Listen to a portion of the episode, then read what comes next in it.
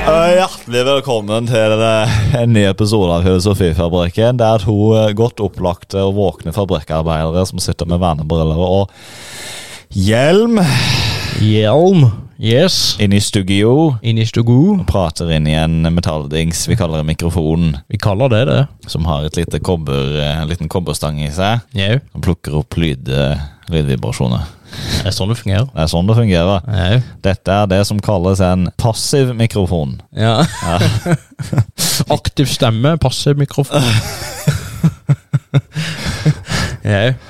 Ja. Ja, hvordan eh, føler du deg i dag, Daniel? Nei, det går greit. Eh, Fikk sove forholdsvis greit. Og Det er en regntung dag i Kristiansand. ja, det er ikke det beste været. Vi har hatt litt finvær i det siste, men nå har det slukna. Det har det. Jeg måtte på med regnjakka, men du tok på deg bomber, bomberjacket. Bomber. Det er jo fashion først. Ja, jeg må jo ha fashion statement, vet du. Aksessoar. Jeg var ute i går, ikke ute, men eh, ute på ettermiddagen og spilte eh, fotball Fosball. med mine med gode venner. Ja. Og det som er litt spesielt med å spille fotball, det er jo når du begynner å bli gammel og støl, er jo at man blir veldig støl i ryggen, ja. ikke så mye i beina. Nei, jeg kjenner det liksom i korsryggen, ja. Ja, Det er så mye rykk og napp, Ja, sa brura. sa brura. Ja, det sa hun vel, ja. Hva skal vi snakke om i dag, Daniel? Nei, da så tenkte vi kunne snakke om uh, postmodernisme. Ja, og det er jo du som har brakt dette emnet til lys. Til dør står ikke i Til dørstokki, og hvorfor det? Eh, nei, det er egentlig litt fordi at jeg, syns det er interessant, og jeg har lest mye på det. Og gjennom mange filosofer som jeg har lest, så ser jeg liksom en kritikk av eh, modernismen og, og postmodernismen. Da. Og en hører jo det av og til på nyhetene eller på nett og sånne ting, at folk, i hvert fall enkelte akademikere og offentlige intellektuelle, drar eh, det der uttrykket postmodernisme, uten at de nødvendigvis helt veit hva det betyr. Så derfor tenkte jeg at uh, litt sånn oppklarende episode at vi kan diskutere eh, og prøve å finne ut av hva, hva, er, hva det vil si at noe er postmodernistisk, og lever vi fremdeles i uh, postmodernismen? Eller har vi overgått i en annen periode, eller hva, hva som skjer? En særdeles eh, velkjent eh, offentlig tenker eh, fra Canada, psykologen eh, Jordan Peterson, Ja, er jo, lirer jo av seg glosen postmodernisme veldig mye. ja postmodernist uh, Marxist society. Neo-marxist. eh, han drar den av Flirer den av seg litt vel ofte, syns jeg, men uh, og han har jo blitt kritisert for det, så vi kan jo se på litt uh, om det er noe riktighet i hans uh, utsagner. Det som er bra med det, er jo at han har jo funnet ut at eh, postmodernisme er roten til alt ondt. Ja, det er liksom hans sin Hans sin spil. Når vi snakker om postmodernisme, så er det viktig å spesifisere at posten Det, det er jo ikke snakk om postmenn og brev og sånn. og pakker. Det er jo post som i etter. Ja, post som i etter. Og så da er du etter modernismen, Mm. ikke sant? Det ligger jo litt i ordet der. Ja, Det Eh, betyr at det er noe som kom før, som het modernismen. yeah. Og hva er det?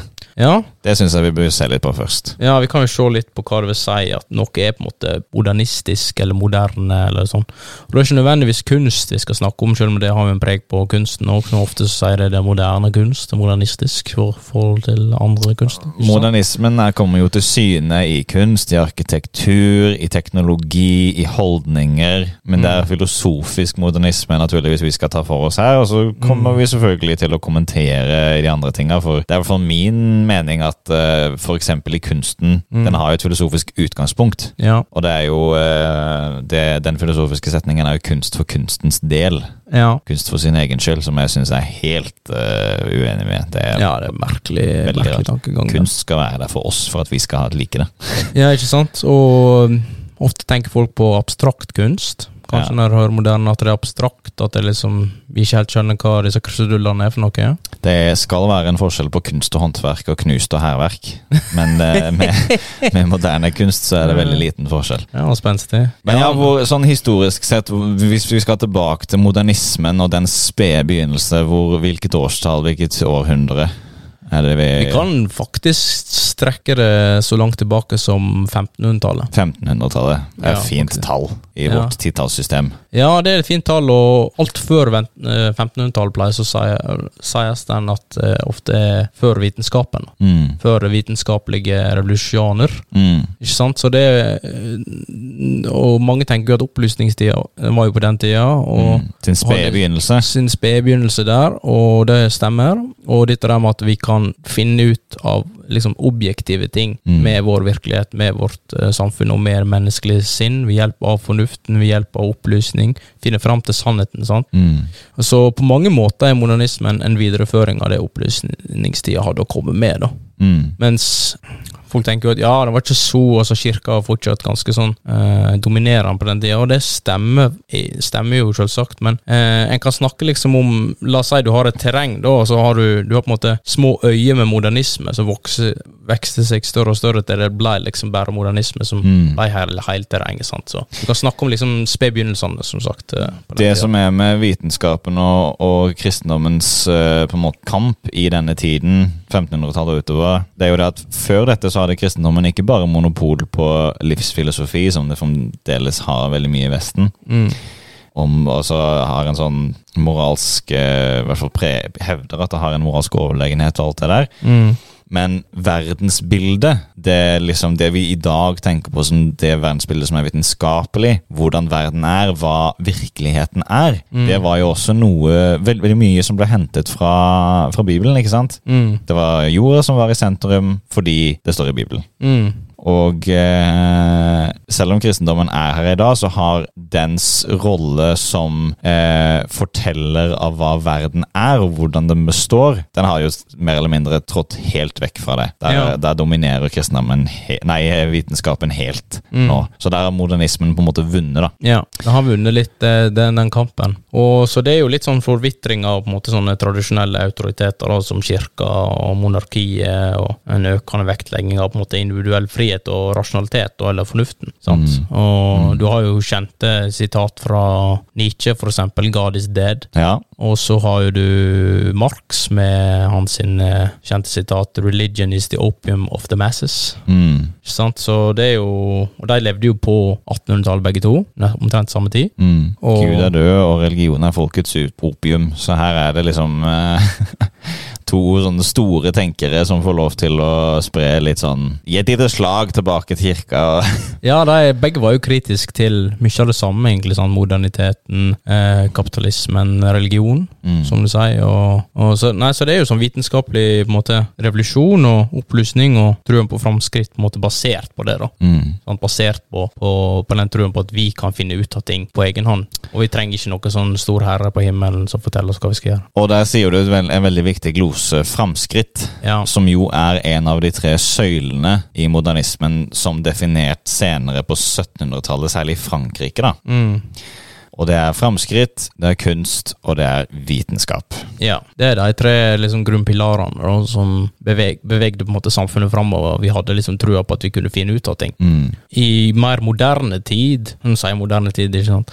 Sånn, Mm. da har du liksom prosjekter som industrialisering, urbanisering, nasjonsbygging. Mm. Sant? Vi utvikler klokker, biler, fly, værstasjoner, mediekommunikasjonsteknologi Mm. og mye annet. Sant? Så vi prøvde liksom å kvantifisere og måle og regulere og styre og kontrollere Mm. verden rundt oss. Sant? Hver stasjon, vi kunne måle været, vi kunne finne ut av ting som vi aldri kunne før. Sant? Klokke målte tiden. Sant? Biler kunne transportere oss framover, raskere tog. Sant? Buss, fly, båt. Altså Så når du sier alt det her, det her er jo en beskrivelse av eh, den moderne tiden som i nåtiden. Mm. det er jo morsomt med ordet moderne. Vi Mm. bruker det jo for å beskrive det som er nå. Ja. Og sånn jeg ser det i hvert fall, så ser jeg liksom fra opplysningstid til nåtiden og den modernismen og så postmodernismen som har kommet. Det er veldig sånn logiske konsekvenser, en logisk utvikling. Mm. I tillegg til at det selvfølgelig er en historisk kontekst her. Mm. For eksempel eh, krigenes, verdenskrigenes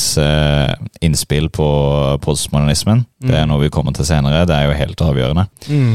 Eh, så jeg synes, sånn jeg ser det i hvert fall, når du setter vitenskap, kunst og framskritt som de tre søylene som samfunn skal være båret på, så er det veldig logisk at vi kommer til et informasjonsteknologisk samfunn. Ja, det er veldig logisk, og det er veldig logisk at vi ønsker å fortsette å ha, opprettholde den kontrollen da, som på en måte hadde gitt oss så mye. Mm. Eh, men som vi skal se, så, så er jo postmodernismen er på en måte et eh, brudd fra det. da. Ja. Det er egentlig omtrent alt det vi har nevnt. Mm. Bortimot. Sant? Så det er liksom litt om modernisme, og Ja. så kan vi jo spole fram til 1979. Ja. For da kom jo en franskmann ved navn Jean-Francois Lyotard på banen. Yeah. Med en bok, og hva heter den? The postmodern condition. Yes. La condition postmoderne.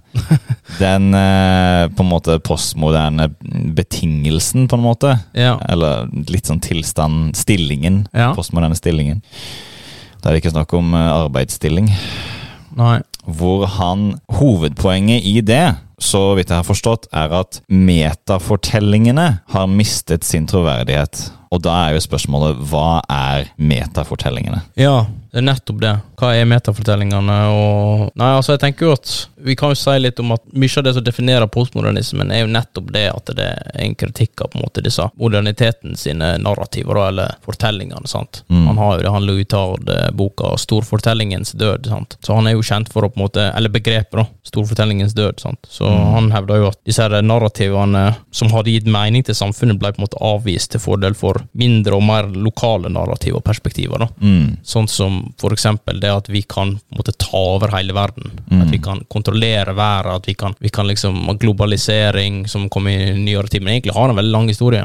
Det at vi kan måte manipulere og kontrollere Mm. eh, våre miljø og våre samfunn, at vi kan komme opp og fram, den framskrittstenkningen som du sier. Du nevnte disse tre grunnpilarene. Underliggende av de grunnpilarene igjen, tenker jeg, er jo egentlig et element eller et ønske eller et behov om kontroll. Yes. Og et eh, En satsing på vekst. Økonomisk vekst. Ja, økonomisk vekst. Modernismen er jo noe som virkelig blomstret blant aristokratiet i Paris på 1700-tallet. Ja. Og de pusher det igjen som hoveddogme, nærmest. Mm. Veldig sånn, der, veldig, veldig sånn religiøs ånd. Ordentlig dogmatisk. Ja. Så eh, det er en veldig sånn sterk tro på at yes, dette er løsningen, dette er svaret. Og akkurat som du beskriver det, så, så på en måte sprer samfunnet seg og utvikler seg. Mm. Og det her med narrativ er jo noe som vi har sett i f.eks.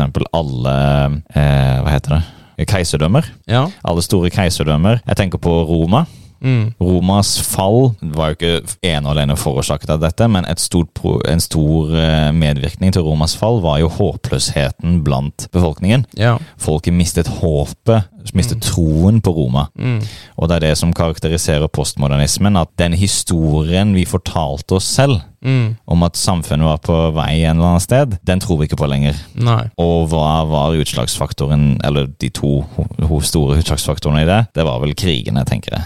Ja, det var vel første og andre verdenskrig, for at vi kan jo egentlig si at postmodernismen hadde jo sitt utspring på omtrent 50-tallet og utover. Mm. Så den er betraktelig yngre enn modernismen. Modernismen har jo fortsatt litt sånn smålig makt ennå, for den varte så lenge, sant? så den har jo sitt, satt sitt preg på samfunnet. Men eh, fremdeles kan vi snakke om at eh, narrativet, dette der store metanarrativet, Mm. er borte. Det blir sånn som Lyotard sier, storfortellingens død. Mm. Den er død. Mm. sant? Den truen på kontroll har ikke vi lenger. Vi har mista trua på kontroll. Og det syns jeg Vi kan ta en liten avsporing inn i arkitekturen. For Ja. jeg syns det kommer veldig godt til uttrykk i arkitekturen. Ja. For eh, i etterkrigstiden så etablerte man eh, modernistisk arkitektur. Mm. Bestående av tre eh, materialer. Betong, glass og stål. Og før Det er et radikalt skifte. For før det eh, så var det om å gjøre å bruke lokale eh, Utforme det så det skulle komplementere den lokale naturen. Mm.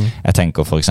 på Venezia. Ja. Når du bygget Venezia oppå de sumpene og sånn over der, Mm. så eh, var det ingen som klagde på at de eh, sumpene og dammene og alt det der gikk bort. Mm.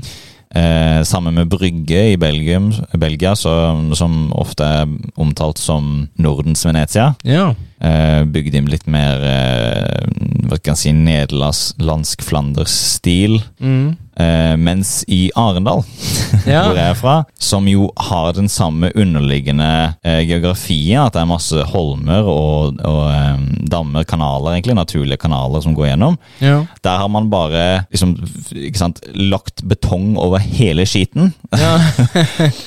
og så bare bygd ut så langt man gidder. ja. Og så bevart en liten sånn praktisk inngang hvor du kan parkere båten. ikke sant? ja.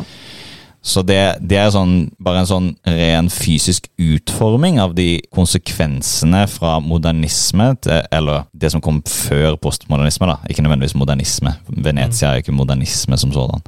Mm. Eh, til eh, postmodernisme, hvor du har liksom bare betong flatt utover. Mm. Og motivasjonen bak dette er jo egentlig ganske edel. Den er jo at eh, det skal være så billig som mulig for å få hus til så mange som mulig. Ja.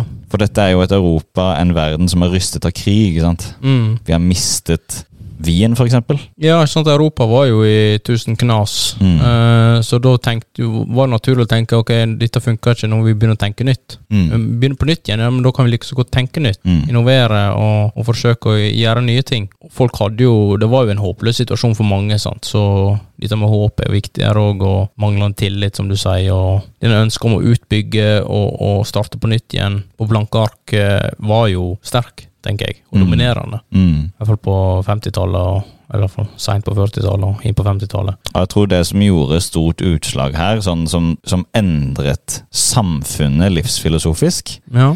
det var det at det var brutaliteten i de to verdenskrigene. Mm. Altså hvor mange som døde, hvordan de døde, Mm. og all den, all den lidelsen. For det er klart, krig det er jo ikke noe som er fremmed for historien. Nei, Det skjer hele tida. mer vanlig enn uvanlig. Ja, dessverre. Ja. Men bare mengden død og fordervelse og lidelse i de to verdenskrigene, og så kom de så tett oppå hverandre, ja. det tok hele menneskeheten ned, ned i kne. Og det er den på en måte frykten som lever igjen etter det, eh, mener jeg, og håpløsheten, mener jeg er grunnleggende for postmodernismen. Ja. Ja, det er jo egentlig det. Og manglende tillit, manglende tro, manglende hva skal jeg si, tro på objektiv kunnskap, tro på objektivitet i seg sjøl. Mm. Vi går mer mot subjektivitet, vi fragmenteres mer, fragmentering av identiteter, større artsmangfold. Sant? For at vi lar litt mer liberalismen òg, vi lar liksom folk få mer frihet og sånne ting, men vi har likevel mista trua på at enkeltindivider kan fikse sine problemer alene, og at vi som samfunn, altså mindre tillit til politikerne, og mindre tillit til vitenskapen og arkitekturen og utbyggingsprosjektene, nasjonsbygginga. Mm. Egentlig alle de her prosjektene som modernismen eh, holdt så høyt, Mm. det holder vi ikke lenger så høyt. Og det er veldig sånn uambisiøs tilnærming til alt. Det er ikke sånn, liksom Hvis du tenker på sånn, sånn ordentlig flotte bygg Mm. eh, Ja, det er noe som eh, School of Life argumenterer for. Ja. Det har ikke blitt bygd en vakker by de, de siste hundre åra. Og det er en eh, bemerkning, eh, veldig god bemerkning, syns jeg. For man strekker seg ikke mot det gode lenger. Man nøyer seg med det som gjør jobben. Ja, og så er det effektivitet, kontroll og økonomisk vekst framfor alt. Mm. Ikke sant? Det er, når du skal ønske å kontrollere noe, så må du, så må du simplifisere det. Så arkitekturen, altså prakteksempel er jo en sånn der parkeringshus Mm. som ser helt forferdelig ut. Det er sånn der, litt sånn slavisk måtehold. Ja, uh, og det er litt sånn vi, vi har mista troa på at vi kan fikse det uansett. Sant? Så det er litt sånn mm, Han er apropos Slav- Slavoj Zizek. Han er jo på en måte kritisk til det der eh, postmodernismen som mange andre, og han mener at det mangler sånn et klart politisk engasjement som på en måte kan føre til sånn her apati og, og likegyldighet sant, overfor ting. Det er jo noe vi ser i valgdeltakelse rundt omkring. Mm, Særlig i Vesten, i Oksidenten. Eh, valgdeltakelsene faller jo dramatisk eh, rundt omkring. I Norge så var det på siste nasjonale valget i 2021 Ja. så var det vel i 70% landet, tror jeg. ja. Det er jo liksom sånn så vidt akseptabelt. ja, det er mer enn jeg har trodd. Det virker nesten som det er mindre, men eh, det er 70 det er så mye, altså. Mens i USA så er det nede i mindre enn 50. Det er sånn 46 eller noe sånt. Ja, Og i eh, andre steder i Europa så er det også rundt 50, og det er jo veldig dramatisk. Ja, sant. Og du har jo altså postmodernismen er jo på mange måter altså Trump er jo et eksempel på det. Mm. Fordi at han er jo Mange tok jo sin tillit til han fordi at eh, vi har mista trua på liksom at politi andre politikere kan fikse ting som vi trenger, en som ikke er politiker. sant? Mm. En som kommer utenfra. Mm. Som har det utenfra-perspektivet som alle vi andre egentlig har. Drain the swamp! Drain the Drain the swamp! Make America great again. Yeah! Altså great again. sant? Mm. De, de, han prøver å gjen, gjenopprette trua på USA, Mm. som mange føler har mista. Sånn Som- som Jeg har tenkt mye på det, og det, altså jeg syns det er et nobelt uh, mål, faktisk. Det er bare at han er jo på ingen måte veien dit. Men jeg er litt enig i det premisset at uh, det var en tid hvor uh, USA var uh, den amerikanske drømmen om å bare liksom kunne få seg en relativt enkel og grei jobb, og så leve et, et godt liv. Mm. Ikke sånn kjempesus og dus, men at du har en husholdning, du kan brødfø den, og du kan være med familie og oppdra det. ikke sant? Ja. Det, det er egentlig Jeg syns det er ganske fint. Ja. Eh, ja, men som med de fleste drømmer Ja. Man må våkne opp før eller siden. Jeg opp før eller siden, og jeg tenker jo altså Det tekniske er jo at det heter ø, altså myten om oppovervendt mobilitet. Mm. At du kan bevege deg oppover. sånn typisk sånn rags to Mm, mm. riches-tenkning. som Mange tenker jo at Trump har, men har absolutt ikke det. Nei, nei, familie, altså. Og så Mange spurte jo dette der med Ja, Make America Great, det er jo fint, men han vil jo tilbake til det han mener er den storhetstid, og det vil jo blant annet Putin i Russland. Det er Russland sin storhetstid. Ja. Så det er jo mange sånne her eh, De er litt sånn avskalka, de er litt gammeldagse. Og de er moderne, De er moderne. eller modernistiske, i eh, et postmoderne samfunn. Mm. Så de passer liksom ikke inn. Nei. Det er liksom brikker som skiller seg veldig ut. Mm. Og det er litt sånn flere andre eh, blant disse her eh, som har opplevd på mange år, sånn Neil deGrasse Tyson og mange av disse store kjempene som Richard Dawkins har sånn uinnskrenka tro på objektiv kunnskap og objektiv sannhet, og uinnskrenka tro på vitenskapen, at den kan fikse alle problemer, fysikken, biologien, Mm. psykologien, liksom. Mm. Sant? Eh, mens mange er jo egentlig Nei, vi er litt Vi har gått forbi det der egentlig nå. Ja. Uh, dette med objektiv sannhet. Og, men greia er at vi har jo skutt litt over mål, på grunn av at vi har jo Vi har på en måte Vi har gått forbi sånn supertro på realisme. Ja. I den forstand at uh, Realisme i den forstand at vi kan måle verden perfekt og uthente kunnskap ut ifra det. Ja. Svarene bare ligger der ute og venter på oss. For det er ikke så enkelt, for kunnskap og objektiv virkelighet de henger ikke så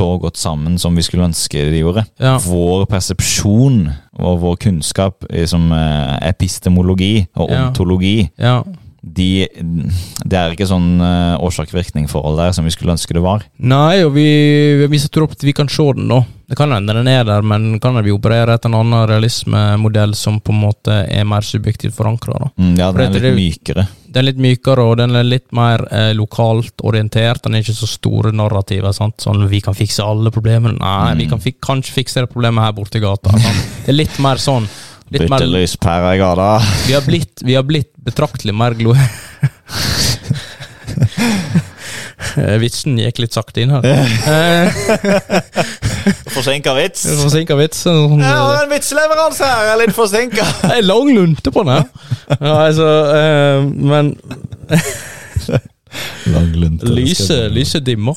Eh, så Sakte. Sakte dimmer.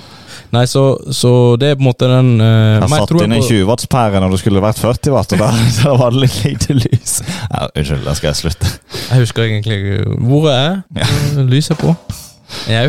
Um, men altså, det var på en måte mer trua på subjektivet, da. Det su su subjekt, subjektet, på en Mm, måte. sant? mm. Altså trua på at subjektet på en måte må finne ut av ting sjøl. For vi kan ikke vite det uansett, så vi kan like bare prøve å finne ut av det sjøl. Du har jo helt i moderne tid, eh, bare for et par år tilbake, så har jo liksom folk tenkt på når jeg sier identitet og, og mangfold og sånne ting, og liksom fragmentering av identiteter, så er du veldig rask å tenke liksom transkjønn og sånne ting. Og ja, det er jo faktisk en mer innvirkning av det, vil jeg si. Historisk innvirkning. Og her er jo han eh, Jeg vil tilbake til han Jean-François Lyotard igjen. Fordi eh, det var han som populariserte uttrykket postmodernisme i 1979. Mm. Og så ble postmodernisme-uttrykket tok av veldig på 80-tallet, det skal vi også snakke om. Mm. Men det her med subjektivitet og objektivitet Så subjektivitet, det er jo da aktøren. Ja. Og objektivitet, det er tingen. Mm. Så vi kan tenke litt som det sånn Er det sanne tingen eh, som subjektet tror, eller ligger det sanne mer i objektet? Det er liksom det som er litt problemet med subjektivitet og objektivitet i filosofisk forstand. ja. Sånn kort fortalt. Hvorvidt kan du stole på, på en måte eksterne, eksterne omverdenen? Og hvorvidt kan du stole på interne verden? Ja, hvorvidt kan du stole på din evne til å tolke det eksterne?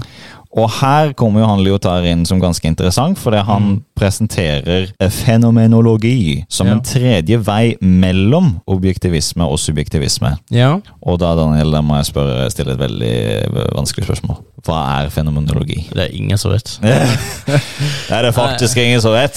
Ja, altså Fenomenologi er jo, det, handler, jo- ligger litt i navnet. Det handler om fenomener, men det handler om hvordan vi oppfatter fenomener, hvordan de fremstår for oss, ikke nødvendigvis sånn de faktisk er. Mm. Veldig kortfatta form. Og der hører man jo med en gang i den beskrivelsen at det er en sammensmelting mellom objekt og subjekt, subjektet her. Ja. Altså det er tingen ute i verden, og Mm. hvordan den framstår for observatøren, da. ja. Aktøren. Men det er ikke det- det- das Ding an sich, som uh, Kant pleier å si. Altså Det er tingen i seg sjøl. Mm. Det er ikke nødvendigvis det. Det er hvordan den oppstår for oss. Mm. Og det som har blitt mer i hovedfokus. Og mange sier jo at individ er veldig i fokus. Ja, det er sant, men det er fordi at vi har mista troen på samfunnet i fokus. Ja. Hyperindividualisert, eh, flytende kapitalisme som eh, gjør oss bare til individer. Ja. Det synes jeg det kommer til syne veldig i sånn nabolag. Ja. Sånn, Før så kunne du bare ringe på døra eller banke på døra og så gå inn nesten til naboen din. ja. Mens nå er det sånn at du må sende en melding eller ringe en time i forveien. Hvis ikke så kommer du ikke inn. Ja, nei, det er veldig rart, egentlig, dette der med eh, Men det er bare en eskalering, på en måte. Den skjer jo hele tida. Mm. Og vi utvikler oss hele tida, og, og spesielt eh, etter du sier andre verdenskrig, ja. Mm. Men òg et nytt skifte er egentlig 90-tallet. Berlinmurens fall. Oh yes. Det var i hvert fall troen, mista troen på moderniteten. Mm. I hvert fall Berlinmurens fall og globalisering. Det tenker jeg. Ja, du, får en liten, eh, du må få en liten knips, for det synes jeg var et veldig godt poeng. Du skal Ja. få faktisk en liten Skal vi se, er det den? Jeg får den, ja. Du får den også. Riktig knapp også. Ja, jeg, jeg trykker ofte på den istedenfor og begynner å le. Ja. Det er jo moro å få rett, men det er mer gøy å få applaus når man har rett. Men det syns jeg er interessant, fordi der eh, 90-tallet, ikke sant Det er jo også eh, liksom den personlige bruken av internettets spedbegynnelse. Mm. Og vi er jo mer liksom eh, forbundet, påkoblet enn noensinne, Mm. og mer ensomme enn noensinne. Det er jo et kjempeparadoks. Ja, det er veldig rart. Så ta oss litt gjennom det, eksempel eh, det nevnte med Berlinmurens fall. Det syns jeg er interessant. Hvordan er det eh, Hvordan ser du på det som eh, innvirkende på mm, postmodernismos? Fordi at den bidro til at vi fikk bekrefta at de gamle, arkaiske institusjonene Altså, det er jo en, det er jo en klinkende klar metafor. Det er jo et praktbilde. Det er bilde av Det ble jo kringkasta rundt om i hele, hele verden sant, på samme tid. Mm. Eh, live, det at de reiv ned muren. Mm. Sant? Se på, nå river vi ned murene Mm. og starter på nytt. Mm. Nå river vi ned disse gamle, avskalka eh, symbolene. Ja, det er sånn blanke ark, tabula var- rasa-beskjed. Altså, mer klarere beskjed kanskje du får egentlig når du Nei. river ned muren live foran alle andre, og David Hasselhoff står 'Let's tear down this wall'. ja, jeg klarer ikke å imitere han, men jeg prøvde. Let's tear down this wall! Ikke sant? Så, så eh, det er litt sånn sånn eh, La oss rive ned muren og begynne på nytt. Nå bygger ikke vi lenger murer, nå bygger vi relasjoner. Vet du hva forresten eh, den kjekkeste filmstjernen i Polen heter? Nei? David Hieselhoff.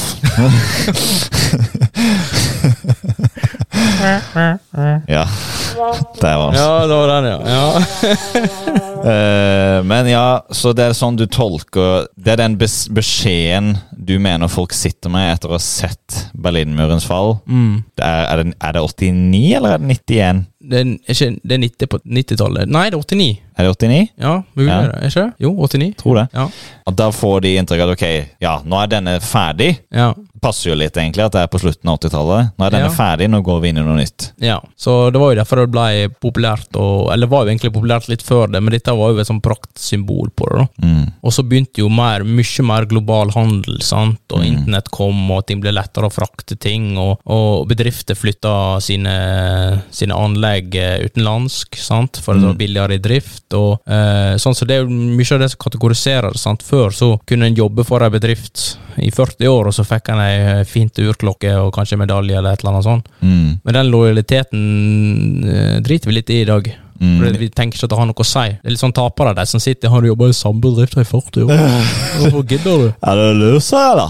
Og nå, nå vi, I dag har vi konseptet om silent Quiet quitting. Quiet quitting. Ja, Ja. det du sa, ja. Det syns jeg er kjempeinteressant at det Ja. heter quiet quitting. Ja, Kan du fortelle hva det er? Quiet quitting, det er jo egentlig Det er ikke at du slutter jobben på stille vis, men at du, du Eller nesten, da. Du jobber på jobben, og du gjør jobben sånn som du skal, men du går ikke over og forbi din vei. Du stikker ikke deg ut. Du bare gjør det minimale av det du, det du forventer at du skal gjøre. Du går ikke mer ut, du, du, du søker ikke om høyere lønn, du prøver ikke å liksom komme opp i, i rangstigen. Med andre ord, du bare gjør det som stillingsbeskrivelsen sier. Ja. Ferdig med saken. Det ja, ferdig med saken. sant? Møte opp på tida, reise på tida. Du, du sitter ikke på jobb lenger enn eh, arbeidstida egentlig er for å gjøre litt ekstra arbeid. Nei, nei, nei. nei. Og noen spør hvem kan ta denne her, så tar ikke du den, liksom. Du tar det minimale. Og det syns jeg er sånn Særlig når jeg ser eh, det dukker opp videoer av amerikanere som forteller om sine opplevelser med quiet quitting. At de bare De gjør bare det jobben sier at de skal gjøre, egentlig. Ja. Og det er sånn, jeg synes det er så, jeg blir så glad når jeg synes det er så morsomt, fordi det er jo det de gjør, det er å innfri forventningene. Mm. Og kun forventningene. Ja. Eh, som, som er beskrevet i arbeidsbeskrivelsen. Og det er jo, Mm. du kan jo ikke forvente noe mer, egentlig. Du har ikke rett til å forvente noe mer som arbeidsgiver. Nei. Men det bare eksponerer så godt det der at arbeidsgiveren forventer mye mer Ja. enn det. For det arbeidsgiverne blir jo regelrett forbanna Ja. over at man ikke gidder å jobbe overtid. Ja, nå sier jeg gidder at man ikke jobber overtid, for det er ikke en del av arbeidsbeskrivelsen. Nei, nei, det er nettopp det. Det er ikke en del av arbeidsbeskrivelsen. Og, og, og eh, det er nettopp det. Vi mister trua på at det har noe å si uansett. Mm. Det har ikke noe å si å jobbe 40 år i den bransjen. Det har ikke noe å si om jeg går over og forbi min vei. Så det er én ting. Den ene. Det andre er det at vi skifter jobb oftere. Mm. Som sagt, vi er ikke 40 år i en bransje. Vi kan være det, men det ikke, det blir veldig, det er ikke vanlig lenger. Nei. Vi, vi bytter jobb oftere, men bedriftene er mer utbyttbare. Og Mm. Altså, de bytter ut varene, de bytter ut varelinjer, produksjonsselskap, de Mm. flytter operasjonene sine rundt oftere, og de bytter ut eh, deler og bestanddeler. Og de, noen av de bestanddelene inkluderer folk. Det er En annen måte å eh, formulere det på er at ja, vi bytter jobber oftere, men du kan også si vi eh, bedriftene er dårligere på å holde på talentet sitt. Ja. Og det er jo noe jeg har sett rundt omkring. At Mm. eh, folk, altså bedrifter lar ordentlig, ordentlig gode talenter bare slippe gjennom fingrene på det gang etter gang Ja. etter gang. Offentlige så vel som private. Ja, altså det er jo, eh, det er jo bedriften, og det er jo mye kapitalismen her, sant, som har vart egentlig vel så lenge, hvis det ikke faktisk lenger enn modernismen. Mm. Omtrent ca. 600 år. Og denne kapitalismen, den, den vil jo ha Den vil tyne, eller presse prisen ned, Ja. og skape så mye fortjeneste som mulig. Den får øh, Den forsøker i det profittjaget å kontrollere Mm. sine omgivelsene. Kontrollere og manipulere forbrukerne gjennom eh, målretta reklame, og eh, kontrollere arbeiderne og forsøke å holde dem lydige. Det som ikke lar seg holde lydig. sant? Forbrukerne som ikke klarer å styre. og de, Deres forsøk er et forsøk på kontroll Mm. i, i et landskap du ikke kan kontrollere. Og der er du inne på kontroll igjen, og det nevnte du også med modernisme. Ja, Hvordan spiller postmodernisme inn på dette med kontroll? Nei, altså det, det er en mangel på kontroll. Mm. En mangel på et sammenhengende syn på verden. Ja, Så det er liksom ikke bare mangelen på troa på kontroll, at vi kan kontrollere og fikse alt og gjøre alt og være Supermann hele tida, Mm. men det er også faktisk mangel på kontroll. Ja. Det er kanskje en ting som virkeligheten henter oss inn der, som hamrer igjen det poenget, klimakrisen. ja. For kapitalismens sånn markedsløsning på det er at ja, ja, men hvis eh, lufta blir så dårlig at vi kan ikke puste den, så finner vi bare opp en maskin, selger den ut, og så kan vi puste lufta igjen. En maske eller et eller annet. Ja, ikke sant? Så du har eh, Når plast kom, for eksempel. Nå- det kommer litt på noe egentlig, når plast kom, så var jo det en revolusjonerende teknologi, og på mange måter var det det. Mens Det i dag jo- ser du på som en forferdelig teknologi som ødelegger havet, forgifter fisken mm. og destruerer eh, økosystemet. sant? Og du, Før hadde vi trua på at sykehus og eh, teknologi kunne fikse det, men nå har vi superbugs og alt sånt, sant, på Mm. sykehus og, Mm. og sånne ting, og, og kriser. Økende antibiotikaresistens.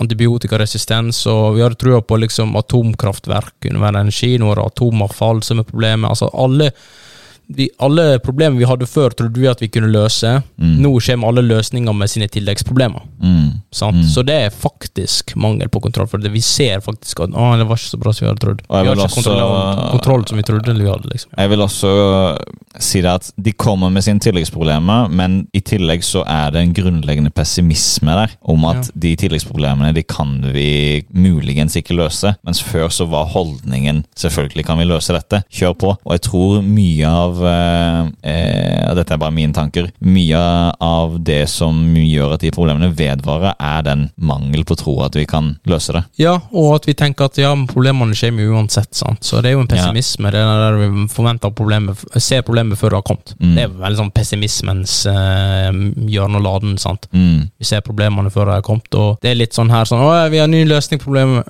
Ja, men den vil jo ha sine problemer, da. Hallo? Og så er det, det er viktig å være eh, Ta noen av Møte noen av pessimistene i møte, kanskje de som er litt mer realistiske. For f.eks.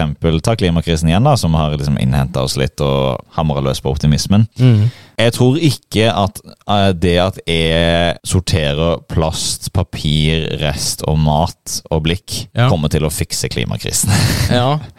Nei, ikke sant? Og Det, det er jo den historien jeg har blitt solgt, ja, men den tror jeg ikke på. resirkuleringa er jo bytte, egentlig. Og her, her har vi jo et prakteksempel bare hos meg i, om postmodernistisk holdning. egentlig. Jeg har en litt sånn, jeg har mangel på det narrativet. Jeg tror ikke på det nar- narrativet. Nei. Nei, og jeg er litt enig med det, og, og jeg er litt enig med det der at jeg tror ikke på at vi kan fikse ethvert problem, og at vi kan faktisk kontrollere, men jeg er ikke så pessimistisk, og jeg tenker at vi skyter litt over mål Mm. med den eh, kritikken av moderniteten òg. Mm. Selv om jeg er jo kritisk til begge to, Ja, ja. mange måter, så jeg skulle tro at jeg liker litt postmodernisme fordi den kritiserer modernisme, som jeg ikke liker, men eh, jeg liker ikke liksom postmodernismens svar, da, den der likegyldigheten og apatiet. ja den syns jeg er helt er eh, ubrukelig. Men nå har jo Altså, jeg har jo altså, Et prakteksempel på en teknologi som du ser i, eh, i modern, moderniteten, eller modernismen, er jo klokke, sant? Ja, Nå har jo jeg og du har jo klokke på deg. vi flotter flotte armbåndsur. Vi sitter og flotter oss. Og litt rå flekser. Så, men men et tegn på det, sånn sånn banalt tegn på moderne, postmodernismen, er jo at jeg har på meg klokke, Mm. men jeg bruker den ikke. Skal jeg se på klokka som ser på mobilen? Ja, Ikke sant? ikke sant? Det er litt sånn eh, Det er litt sånn der ståa er, sant. Så det, det ligger litt sånn eh, ting igjen. Ja. Men nå, nå bruker jeg det som et aksessoar. Altså, det, er ikke, det er ikke teknologien det var. Aksessoar. Ja, sant? jeg, har, jeg har ikke trua på den klokka Eller jeg har jo trua på den funker, men altså Det må jo funke når Ja, det, er sånn, du, det får meg nesten tenke på at du ser på klokka. Det kan ikke bestemme at klokka er Klokka er ikke så mye. Klokka er ikke halv tolv nå. Det Nei. kan ikke stemme. Det går ikke overens. Nei. Nei, så den stemmer sikkert, men jeg bruker jo ikke den. sant? Ja. Så vi, vi har litt sånn ting igjen, på en måte. Arkitektur igjen, men vi, vi har ikke trua på det lenger. Så det Ja, det er jo veldig sånn postmodernistisk, litt sånn håpløshet og sånn, og det liker jeg ikke. Det er mye av det som har gjort at jeg søker til eh, min siste sånn, eh, hva skal jeg si, forelskelse innen filosofien, det er livsfilosofi. Ja. For jeg mener at eh, et hovedproblem i vår postmodernisme-pessimisme, Mm. det er at man har ingen, ingen sånn filosofi å strebe seg etter. Nei. Og det som er fint med å ha en livsfilosofi, f.eks. Eh, ta stoisisme, da, som er vel, blitt veldig populært, som folk har et forhold til. Eh, eller religion, og de er jo også livsfilosofier. Ja. Det trenger ikke å stemme, men det at man har noe å forholde seg til, Ja. gjør at man kan, hvis man finner ut at det ikke stemmer, eh, det er, dette er ikke en filosofi som jeg vil leve etter, så kan du ta en sånn ikke-posisjon og gå i motsatt retning. ja. Det er bedre å ha noe å orientere seg etter enn absolutt ingenting. Ja, og mange, mange av måtene vi finner ut øh, hvem vi er Mm. handler jo om veldig mye å finne ut hvem du er, handler om å finne ut hva du ikke er. Altså negasjon av ting. Jeg er ikke det der. Jeg er ikke sånn. Jeg er ikke sånn. Det er noe vi eh, oppdager når vi eh, eh, gjør opprør mot foreldrene våre, ikke sant? Ja. I oppdragelsen. Ja. Jeg mener at som forelder så er det viktig å bare ta et standpunkt. Det trenger ikke å være sånn kjempehardt eller noe sånt, Nei. men du må ta ett standpunkt. ja. Ikke være wishy-washy og flytende overalt. Ikke være flytende, nei. Ta et standpunkt, for selv om eh, ungen din er eh, uenig i det standpunktet, så har eh, ungen noe å rette seg mot eller vekk fra, og kan utvikle seg selv og finne seg selv, ikke sant. Mm. Det, det, sier du noe bra her, egentlig. Og det er dette med å ha begge beina planta på jorda. Mm. eh, Som vi forsøkte Moderniteten var et prosjekt på det, mens postmodernisme er kategorisert ved at vi liksom er svevende, flytende, Mm. utskiftende forhold hele tida. Endring blir mer vanlig enn stabilitet. Mm. Sant? Og det er eh, den, en katalysator for den som påvirker oss inn i våre liv, er jo økonomien som underbygger den postmodernismen. Måten vi har blitt gjort om fra folk til konsumenter Ja. i samfunnets øyne, eller i økonomiens øyne. da. Ja. At vi, vi er ikke fullverdige mennesker med fulle liv som har rike opplevelser og nedturer og tinder og daler, som man sier. Men vi er bare konsumenter. Altså Vi er der en lommebok, og vi skal forbruke så mye som mulig. Selv ikke med lommeboka vår. Vi skal forbruke når vi er på telefonen vår. og bare Oppmerksomheten vår skal helst fanges så mange timer i døgnet som mulig på den telefonen. Mm. Koste hva det koste vil. Søvn, produktivitet, uansett. ja. Det er, en sånn, det er den der underbærende pessimismen som er sånn, den er veldig flytende. Den er liksom alt og ingenting. Ja. Det blir alt og ingenting blir bare suppe. Mm, ja, ja, det blir bare suppe. Ja. Istedenfor at du har en slags retning Mm. i livet å forholde deg til. Ja, så den er preget av retningsløshet sant? og mangel på metanarrativer, eller narrativer, da, kan Mm. si. Storfortellingens død, som man sier. Ja, samfunnets storfortellingsdød, men også min personlige fortellingsdød. Ja. Og på de, alle nivåene imellom. ikke sant? Eh, Nabolagets død, eh, lokalsamfunnets død, regionens død. ja, men egentlig tror jeg på din enkeltin... Vi sa jo det tidligere, dette der med Vi har jo et visst narrativ på enkeltindividene våre, tenker Ja, jeg, jeg mener jo at samfunnet er blitt individualisert. At Ja. samfunnet er eh, Det er ikke et samfunn som sådan, som en egen ting. Det er egentlig bare en gruppe, en samling av individer. Ja. Men når det er sagt, så eh, mener jeg at mitt personlige narrativ er blitt så flytende at det er retningsløst og egentlig ganske meningsløst. Ja. ja. På samme måte som Gud er død, ikke sant? Ja, men det tror jeg er litt sant, for jeg husker jeg, vi snakka om dette tidligere. Dette der at Før så var det sånn du kan bli hva du vil, Mm. og det òg er jo litt flyttende allerede der. Mm. Mens nå er du kan være hva du vil. Ja. For hvem du er som person, is a liquid thing. Umiddelbaros. Umiddelbar Nå oss før jeg fikk en sånn liten opp, eh, opplysningsøyeblikk her. opplysnings... Ja, Den er fin, den der. Du kan bli hva du vil, ha blitt det. Du kan være hva du vil. ja sant? Bare bestem det i øyeblikket. Bare bestem det i øyeblikket. Du trenger ikke å, du trenger ikke engang vite det. Sant? Så, for det er subjektivt uansett. Mm. Det er ikke noen objektive kriterier lenger. Det er ikke noen objektiv sannhet. It doesn't exist.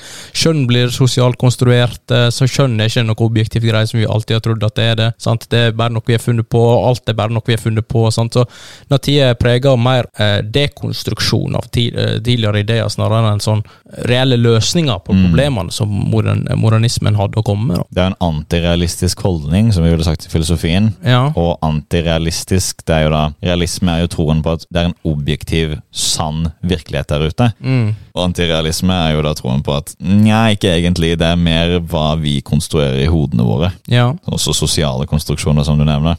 Ja. Og eh, det som er, eh, syns jeg, er dumt med antirealistiske holdninger, er at jeg tror jo at det er en objektiv virkelighet der ute som henter oss inn. ja. Og når vi velger å ignorere den, så får vi problemer som klimakrisen. Ja, vi får problemer som klimakrisa, og vi får mange andre problemer som vi, vi I dag føler jeg egentlig altså Tida i dag vi lever i, er liksom prega av problemer, virker det mer sånn En, Mm. Vi ser ikke så mye 'oi, nå har vi løst det problemet'. Nei, det, Det, det, det, er ser ikke sånn, lenger. sånn, det er ikke sånn månelandinga. Nei, det er ikke månelandinga. Månelandinga er jo en, ja, en av de siste storslåtte prosjektene til eh, moderniteten. Ja. What good have that done for humanity, really? But anyway, yeah. uh, I'm just saying, altså, det er jo bare et symbol snarere enn noe annet. Det er kjempesymbolistisk, det symbolsk. Det er jo veldig eh, spesielt. Men det som er litt fint, er at folk samlet seg litt som Murs fall. Folk samlet seg rundt TV-skjermene og var sammen om dette. Ja. Og eh, den på en måte hvis du tenker på Jeg tenker litt på Jeff Bezos og Elon Musks eh, Space Race. Ja. For det som er så flott, er at eh, gjennom eh, tidene så har jo rikinger alltid hatt lyst til å vise pengene sine. Ja. Alltid. Og eh, før i tida, disse her store, flotte bibliotekene og sånn som du ser rundt omkring i Europa og sånne ting, ja. det ble jo, Jeg skulle ønske det ble bygd av sosialisme, men det, det ble det ikke, som regel. Som regel så var det en eller annen riking som ville vise hvor mye penger han har, og så skulle han bygge et bibliotek. ikke sant? Mm. Og det skulle være storslått og ordentlig fint. Mm. Tingen med det er jo at det er en måte for rikingen å vise pengene sine på som til syvende og sist gagner samfunnet. Gagner fellesskapet, ja. Gagner fellesskapet. Mens det Musk og Bezos har klart med sitt Space Race, Mm. det er å finne en måte å bare vise sånn ufattelig rikdom på til hele verden, Mm. uten at det gagner en, en, noen andre enn dem selv. Ja. For det, det er som du sier med månelandinga, hvem kom det til nytte for egentlig? ja. Det er det med deres Space Race også. Hv- Hvem er det til nytte for? Ja, ikke sant? Uh, men nå er det kapitalist mot kapitalist, men der var jo det USA mot, uh, som kjent uh, Sovjet. Sovjet, sant? Så eh, det nytter, eh, altså som et symbol på USA sin stormakt, og symbol på hvor vi, vi som mennesker kan komme med teknologi, hvor langt vi klarer å komme, altså vi, at vi kan løse problemene. Så det er jo et symbol Mm. på liksom modernitetens At vi klarer å få det til hvis vi bare bestemmer oss og slår oss sammen og bestemmer oss for det og legger smarte hoder i bløt. sant? Smarte hoder i bløt, vet du. så, men eh, nå er disse hodene tørka for lenge siden, og, og Nei, det ble en veldig rar her. metafor, men eh, Inntørka hode. inntørka hode Apropos Space Race, det bør jo nevnes at eh, ja, greit, USA kom til den mannen på månen først, men alle de andre rommilepælene, romfartsmilepælene mm. Første rakett i bane, første menneske i bane, første dyr i bane, det var jo Sovjet. Ja, det var jo første person i rommet og Ja, vi, må gi de, eh, vi må gi de ingeniørene der og de vitenskapsfolka der litt cred også. Ja, ikke sant. Og så nå er det Jeg har nesten ikke bare hørt annen enn kritikk mot denne her Mars-reisa, for det virker som bare et sånt dumt prosjekt. Why are we doing this? Vi er ikke sånn, jeg får litt sånn inntrykk at det er mer en ferie enn ja, det. det er mer en sånn ferie. Sånn, og mange har jo argumentert, jeg har jo lest flere artikler som sier sånn derre uh, It's a stupid project. This is why we're gonna do it. Altså bare Mm. sånn Ja, hvis det er stupid, så er det stupid. Altså, Men det er jo tydelig, Daniel, at du interesserer deg for eh, Eller interesserer og interesserer. Det er noe som vekker din interesse om det her postmodernisme. Jeg vet ikke om det provoserer deg, eller det fascinerer deg, eller hvordan vil du beskrive det? Ja, det fascinerer meg litt, og ja, begge deler, egentlig. Ja. Og det som Det er litt denne tanken med at jeg føler at vi er litt sånn hatt lenge nå en, eller en økende grad sånn der virkelighetsfrakobling, nå. Er det det som er din personlige opplevelse? Ja, og, og dette der med at uh, anything goes. Yes. Ja. Fordi at det, det har ikke noe å si uansett. Ja, Det er litt sånn den her uh, apati. whatever. Whatever. altså Jeg syns vi bør prøve å samle oss litt igjen, og bli litt mer sentrert. Flytende relasjoner, alt er i flux. sant? Mm. Alt flyter. Så det er liksom det jeg har vært interessert i, da, å finne ut av hva er det egentlig som definerer det. Og så er jo det den min irritasjon på at jeg har hørt uh, han uh, Jordan Peterson si postmodernist neo-marxist. Så jeg bare Ok, du vet virkelig ikke hva du prater om. Alt som er galt med verden i hans syn, er liksom det er det. Det. Ja. For marxist, marxist Altså, det er jo omtrent det stikk motsatte. Ja, ja. Så det er jo Marx var jo som kjent, eh, som vi sa tidligere, en eh, sterk kritiker av eh, modernismen. Han ville ikke likt postmodernismen heller. Jeg tror eh, i hvis jeg, Det er nok ikke ordrett, men i den debatten mellom Zizek og Peterson, så tror jeg eh, Zizek sier jo litt sånn mellom linjene Your understanding of Marxism and postmodernism is completely false. Ja, han sa det. Han sa det. I don't want to call you an idiot, but you're an idiot. Jeg vil ikke kalle deg en idiot, men uh, har du sett deg sjøl i speilet? Jeg har sett deg selv i speil. Ja, det er litt sånn her eh, Han sa det. What do you mean? Postmodernist, new Marxist. I mean, what, this is opposite. What, what are you talking about? What, what do you line here? Og så Pearson han følte jo at han ble liksom angrepet av en av sine forelesere, nærmest. For han merka jo det at uh, Zizek kunne jo absolutt mer enn han. Sant? Han bare uh, Ok, what I mean is really I think uh, Well, I think about liberalism. Liberalism has nothing to do with this. Men, men Pearson Altså, liksom- han har veldig høy Han har ikke dyp stemme, han har høy stemme. Ja, jeg klarer ikke å Well, what I stemme. mean Ja, ja, det er sant. Ja. What I think I mean is uh, I think about postmodernism. Ja, jeg klarer ikke det greiene. postmodernism.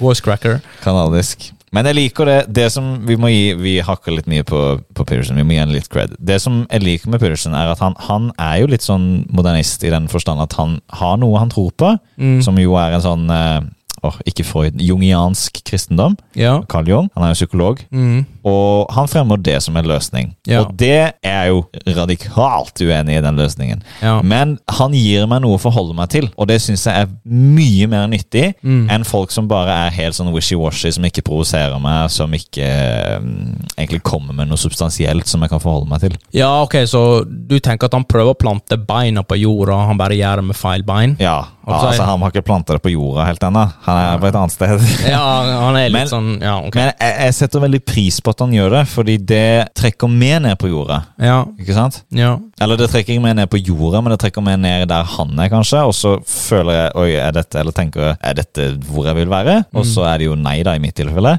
ja. Men jeg tror det er veldig mange som, som liksom Ja, det er litt sånn jordnært. Det er litt mer jordnært det Pedersen driver med. Det er Mm. ikke sånn wishy-washy, flaksi-taksi, selv om det, jeg syns han tar mye feil i ting. ja. uh, hvis du Motsier seg sjøl ofte. Ja, jeg syns bare vi må gi han litt cred. Vi, kan ikke bare hamre på. Nei, og så begynte jo han Det som han ble kjent med, var jo den der kjønnsdebatten. Han begynte jo som sånn semifornuftig tenker, Ja, ja. egentlig, og offentlig intellektuell, egentlig, og med dette der at nei, vi må slutte sosialt konstruert kjønn, hallo, liksom. Altså, Folk må komme ned på jorda, Mm. tenkte jeg. Og så, jeg ble, var litt tilhenger av han i starten, men så merka jeg at han uh, skeia litt fort ut i andre ting. Men, men han begynte jo litt sånn fornuftig, i hvert fall, syns jeg, så han må jo få litt cred for det, da. Mm. Uh, han står jo på, da. Det er bare sikkert, så Jeg syns han er en uh, Han er et eksempel på en sånn En vitenskapsmann som blir filosof. Ja. I samme leire som uh, Richard Dawkins og uh, Feynman, er det det han heter? Nei, ikke Feynman. Eh, han, Richard eh, Feynman. Nei, ja, nei det, det, han Sam også Harris? litt Sam Harris, ja. Og uh, Neil deGrasse Tyson. Ja, Neil deGrasse Tyson. Uh, altså han, uh, ja. Men de er jo litt sånn Ja, men det jeg sier, de er litt sånn modernitetsforskere. De er liksom truen på uinnskrenka og at vitenskapen skal løse alle problemene. Og Dawkins har jo skrevet i den her eh, The Selfish Gene, kjente boka hans, Mm. At uh, han skjønner ikke helt hva vi Når vi har vitenskapen, og vitenskapen har eksistert omtrent 500 år, hvorfor i alle dager har vi filosofi på universitetet, på campus? Det er veldig morsomt. Så det er litt sånn hallo For han trer jo inn i filosofiske debatter rett som det er. Ja, altså det er jo dette der uh, vitenskapen Eller vi trenger ikke filosofi fordi vi har uh, vitenskapelig Vitenskapen nå er på plass og etablert. Det er jo en filosofisk posisjon. Det er jo en filosofisk påstand. Mm. Så det er jo litt sånn rart. Men Hører du det, den lyden langt baki der? Det er Gullgåsa Guro som står trodde det var en annen lyd, så står- Det Petersen! står og gauler baki her. Jau. For hun har lyst til å klekke et egg nå. Ja, og verpeklar. Uh, det var gøy. Det var veldig gøy. Skal vi se, var det den? Ja. Det, jeg fikk riktig igjen! Ja. Rett. Ja. Hva er det som er konklusjonen vår her nå? For nå har vi snakka litt og tulla litt og, og drøfta litt rundt postmodernisme. Vi har en sånn, kanskje ikke superklar, men en idé i hvert fall av hva postmodernisme er. Jeg tror vi kan begynne å se konturene til det nå. At uh, jeg tenker postmodernismen er en mangel på kontroll. En mangel på tru, tillit og tro på vitenskap og objektiv sannhet, og at vi kan løse ethvert problem. Og jeg tenker òg at uh, denne, preg, denne her mistilliten, eller liksom avvisning av all, alt det som modernismen sine prosjekter eller hadde, det viser til en pessimisme. Mm. Så mens opplysningstida og dens videreføring, modernismen, var på en måte prega av eh, optimisme, Mm. så tenker jeg at uh, postmodernismen er prega av pessimisme. Mm. Og den pessimistiske holdninga er jeg pessimistisk til. det er jo Kjempegøy. Jeg fikk egentlig mest lyst til å legge den på, men nå Ja. valgte jeg å, Ja, å legge på. Men jeg, det syns jeg er ekstremt godt formulert. Og jeg vil legge til at jeg tolker historisk og logisk eh, postmodernisme som en overkorrigering fra modernismen. mm, For modernismen var optimistisk på grensa, eller egentlig ikke på grensa, opp i sånn ma mani og dogmatisme. mm. Mens uh, det nye dogmen er det er ingenting å tro Any, på. anything goes, Ja, sant? anything goes. Alt går for dette, alt eh, Nothing eh, matters, sant? Så. Så det er en uh, anything goes, og det er en overkorrigering. Ja, det skyter litt over mål her, egentlig, det er det vi har gjort. Men eh, hva eh, har Guro gjort for seg, da? Det var gjort fra seg Og dreide, det for draget. Da var det også litt sånn, kanskje? Ja, litt sånn, ja. Ja. Ja, nei, men jeg tror det, altså. Jeg tenker det. Vi tenker det, og vi sier tusen hjertelig takk for at du har lyttet til nok en episode av Filosofifabrikken. Det var ganske smooth sailing denne gangen. Ja, det gikk eh, glatt og godt for seg, det. Dette har vært episoden om postmodernisme. Postmodernismus. Postmodernismus, pessimismus. Hva heter du, Daniel? Jeg heter Daniel. Jeg heter Pål. Jau. Takk for at du lyttet, og velkommen igjen! Ha det så lenge. Filosofi.